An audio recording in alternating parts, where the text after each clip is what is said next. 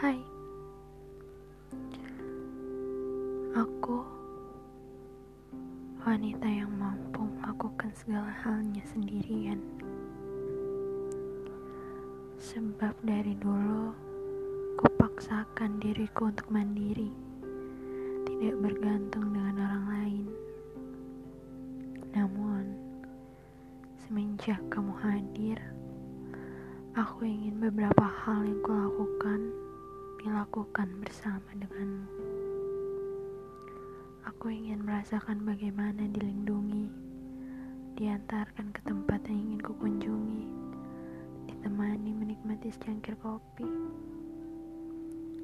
Aku memilikimu, namun beberapa saat aku tetap merasakan sendirian.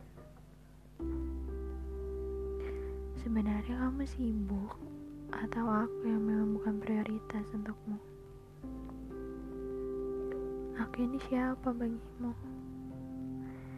Sesekali aku merasa diistimewakan denganmu, namun tak jarang juga aku merasakan bahwa aku bukan siapa-siapa untukmu.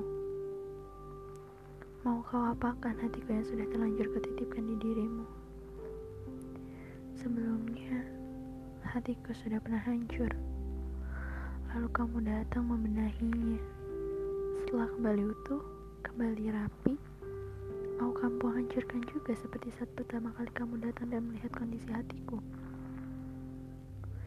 Sikapmu yang seperti ini pun sudah lebih dulu menghancurkannya.